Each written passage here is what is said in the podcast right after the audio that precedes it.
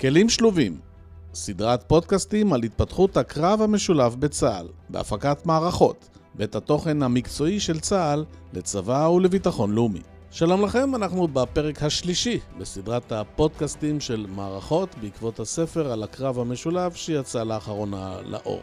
כאן דוקטור אמיר גילת, מפקד מערכות, והיום נעסוק בתקופה של אחרי מבצע שלג, מלחמת לבנון הראשונה. בשישה ביוני נפתח מבצע שלום הגליל, וצה"ל חדר בשלושה צירים לתוך לבנון.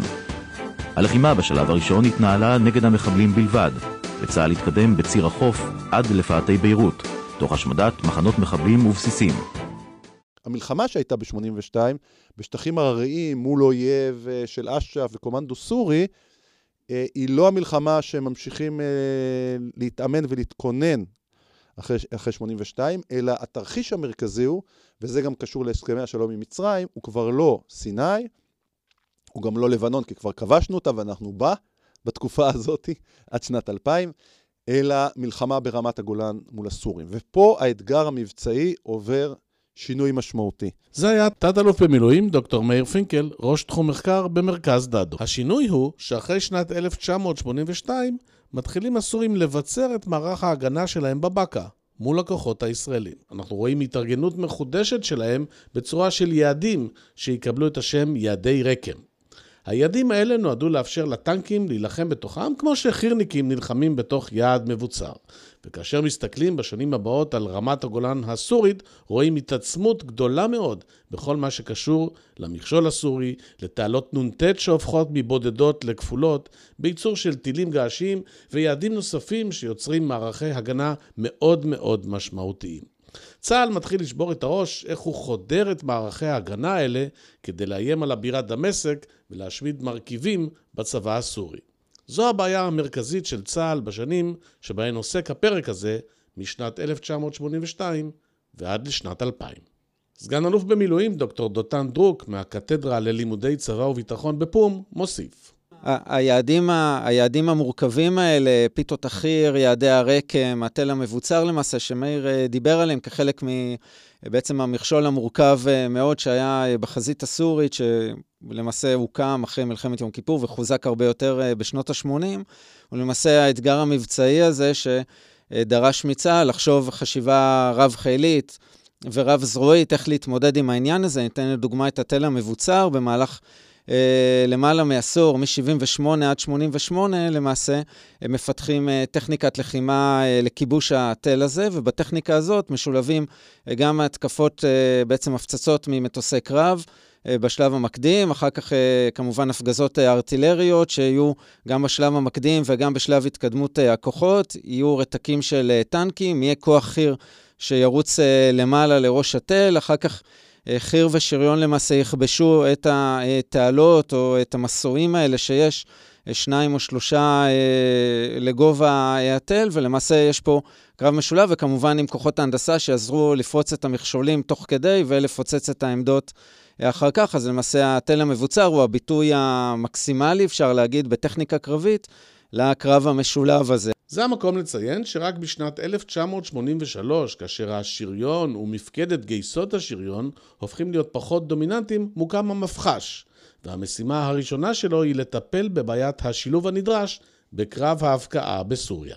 בנוסף לאתגר של התל המבוצר, היה גם אתגר נוסף של פריצת המכשול כדי להביא רקם. בגולן יש שדות מוקשים רבים, וככל שהזמן עובר, המוקשים נהיים יותר מורכבים, והתעלות נהיות יותר סבוכות. צה"ל מפתח את תו"ל ההבקעה הזה, וממקד את המאמץ ביכולת לפרוץ נתיב מספיק רחב בשדות מוקשים, ולגשר על תעלות הנ"ט כדי להעביר את הכוחות קדימה. מה שמיוחד פה ומה שדותן ציין זה שהכל בתוך תת שטח מאוד מאוד צפוף. זאת אומרת, התאומים פה הם ברמה של פעולה של טנקים וחיב והנדסה צמודים אחד לשני ברמה של מטרים. זה לא על תאי שטח גדולים כמו בסיני, אלא כל הבעיות האלה שתוארו כאן בתוך התל המבוצר הזה, או בעיות אחרות שעוד רגע נפרט אותן, הן מצריכות שיתוף פעולה מאוד מאוד uh, צמוד. וגם כאן זה שילוב של כוחות חי"ר שהולכים ברגל בשדה המוקשים, ועם סולמות מיוחדים יורדים בתעלות, עולים בתעלות מצד השני, מאבטחים עכשיו את כוח ההנדסה, שיש לו מגוון גדול של אמצעים מסוגים שונים ומשונים שצה"ל פיתח באותו זמן כדי לחצות את שדה המוקשים, גשרים איזה שלושה, ארבעה סוגים כדי לגשר. כמובן שהסורים, ברגע שהם מזהים את המאמץ הצה"לי הזה, יפעילו עליו ארטילריה בצורה מסיבית. אז הארטילריה שלנו, מפתחים את תול אש נגד צוללות, אש נס, ה-MLRS לדוגמה כמרכיב בדבר הזה, כדי לשתק את הארטילריה הסורית, כי אף אחד לא ישרוד בחוץ. אה, תחת ארטילריה סורית, וחיל האוויר שותף בעניין. יש איפה מאמץ משולב של כל החילות והזרועות כדי להצליח לפרוץ את המכשול. המאמץ הזה כולל גם פיתוח אמצעי מיסוך של היחידות הסוריות, או גדוד נ"מ אוגדתי, שמגן על אזור המעברים מפני תקיפות של מטוסים סורים.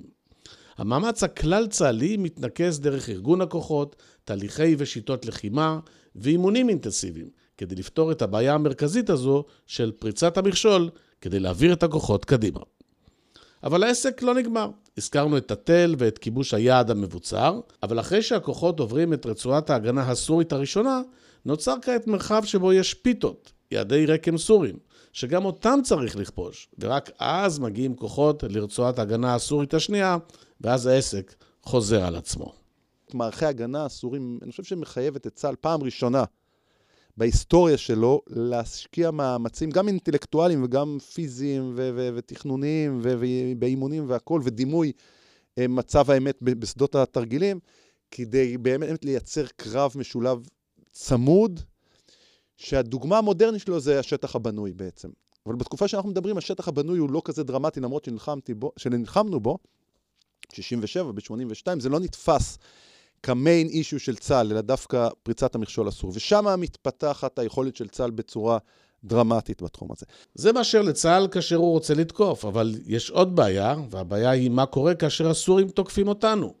הלקח ממלחמת יום הכיפורים הוא שלא יחזור עוד התרחיש של קהלני, טנק בודד שניצב מול עשרה טנקים סורים ויחסי שחיקה שתלויים בקצב התותחנות הישראלית המהירה. צה"ל מתחיל לפתח רעיון, השמדה מערכתית של רקם מנגד, כלומר, לפני שהם מגיעים בכלל לקרב המגע. והפתרון של, uh, הייחודי של צה"ל הוא חמ"ם יבשתי. השלב הראשון של הדבר הזה הוא uh, גדודי החמ"ם האוגדתיים, היום אנחנו מכירים את התמוז, באותה תקופה זה חידוש עולמי. גדוד עצמאי, גדוד חמ"ם לטווח של 25 קילומטר ברמת האוגדה. האוגדה הישראלית מקבלת שני גדודים שלא היו לה, החמ"ם, חימוש מונחה מדויק, והיחמ"ם, יחידת מודיעין מטרות, תצפיות. האוגדה צריכה מודיעין גם כדי לדעת לאן להכווין אותם, לאן לרכז אותם, אה, להבין אה, איך פועל האויב הסורי מולנו, מאיפה הוא מגיע, אז למעשה מקימים יחידות אה, מודיעין אוגדתיות בסדר גודל גדודי, בעצם יחמ"מים. היום הם כבר לא קיימים, הם נראים בצורה אחרת של גדודי האיסוף.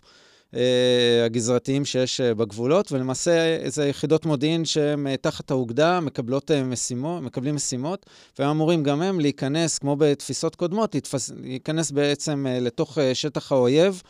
לפעמים ממש להסתנן דרך חלק מהמערכים שלו ברצועת האבטחה, לאתר את כוחות האויב הסורים, ולמעשה לסייע גם בהפעלת האש הארטילרית, גם בהכוונה של מטוסי קרב. וגם uh, לסייע לאותם גדודי תמוז. והכל מוביל אל עבר הקמת מרכז האש האוגדתי, שאמור לתכלל את המודיעין שמגיע מהיחמ"ם או מהכטמ"מים, שמשדרים תמונה אחורה לרמות היותר ויותר נמוכות, ואת כל זה לחבר לאמצעי האש.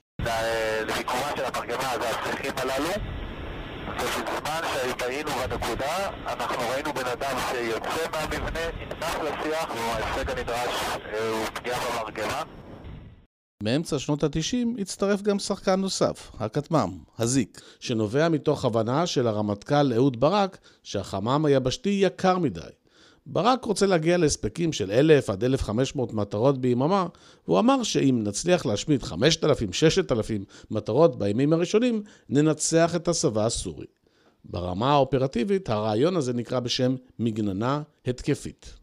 אז הפתרון הוא כאמצעים יותר זולים, שלא צריך עכשיו אה, מנוע חזק ורקטה שתעיף אותם להרבה קילומטר, אלא משהו שאתה יכול לזרוק אותו, משהו שנופל מלמעלה. מסוק הקרב, אני מזכיר, צה"ל כבר עמוק בתוך מסוקי הקרב, שקצת הזנחנו אותם פה בסיפור, הם מרכיב מרכזי גם בהגנה, פריצת, ה... הסורים שיזרמו דרך הפרצות, אז מסוקי הקרב זה מענה מיידי. החמ"ם שיש לנו אותו, שזה פיתוח ישראלי, ועכשיו נכנס גם הזיק. הזיק מאפשר גם צפייה, וגם לראות את המטרה, וגם לתקוף אותה בזמן אמת, והוא נהפך למרכיב דומיננטי שמאפשר את התפיסה הזאת. אז אם יש לנו, יש לנו בעצם פה אה, שילוש, מרכיב חדש אה, בשדה הקרב, שכולל מרכיבי מודיעין מסוגים שונים, גם היחמ"ם וגם הכטמ"מים עצמם, מרכיבי אש יבשתיים כמו התמוז והאוויריים כמו הזיק ומה שהוא יורה, ומרכזי אש ברמת האוגדה, שהם יהיו האבות של מה שיקרה אחר כך, יתפתח לחטיבה והמון תהליכים שמתפתחים אחרי זה, של החיבור של מודיעין למטרות. נושא שאז עולה במלוא עוצמתו, והיום הוא נראה טריוויאלי, אז הוא מתחיל בתקופה הזאת עם מודיעין למטרות, לא מודיעין לתמונת מצב מה האויב עושה רק, אלא איפה המטרות שלו, שקורה במפקדות. זאת אומרת, השילוב הזה של מודיעין, יכולות אש ומפקדות ייעודיות שמתמחות בעניין הזה. צה"ל עסוק בשנים האלה לא רק בחזית הסורית, הוא גם ממשיך לשהות ברצועת הביטחון בלבנון, ומתמודד עם האינתיפאדה הראשונה, שלה אין השלכות על הקרב המשולב. אלו גם השנים של מלחמת המפרץ, וצה"ל מסתכל על מה שעושים האמריקאים במלחמה ומנסה ללמוד מהם. התקיפה בעומק השמדת מערכי הטנקים האיכותיים של צבא עיראק והשמדה של מרכזי תקשורת ולוגיסטיקה ומפקדות מסייעים לכוחות בחזית לבצע תמרון מאוד מהיר. אז למעשה האוגדה פה בעצם היא מפקדת על אה, שתי צורות אה, פעולה די שונות שכמובן אמורות אה, להשתלב ביחד ואמורה לשלב אותן.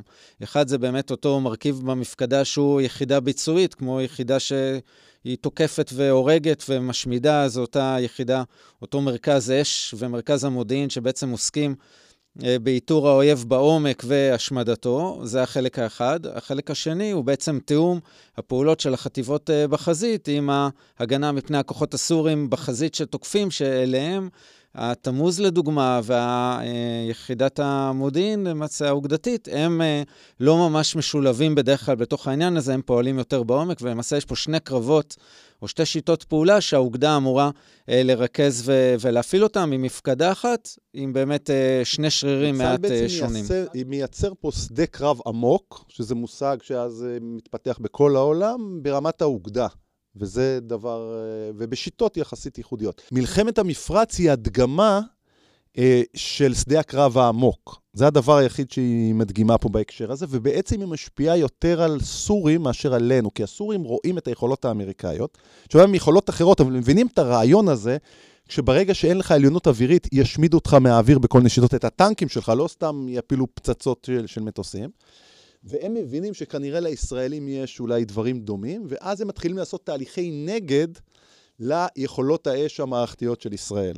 זה אף פעם לא יבוא לידי ביטוי בקרב, כי לא נלחמנו עם הסורים, אבל הם לאט לאט מחסנים את עצמם אה, מפני הדבר הזה, וזה בא לידי ביטוי בהסתרה ושיבוש ועשן והונאה וכל מיני דברים שימנעו מהמודיעין והחמ"ם הישראלי אה, לתקוף אותם מנגד. אז לסיכום הפרק, מהו הדבר הכי חשוב שצריך ללמוד מהתקופה הזו לגבי התפתחות הקרב המשולב?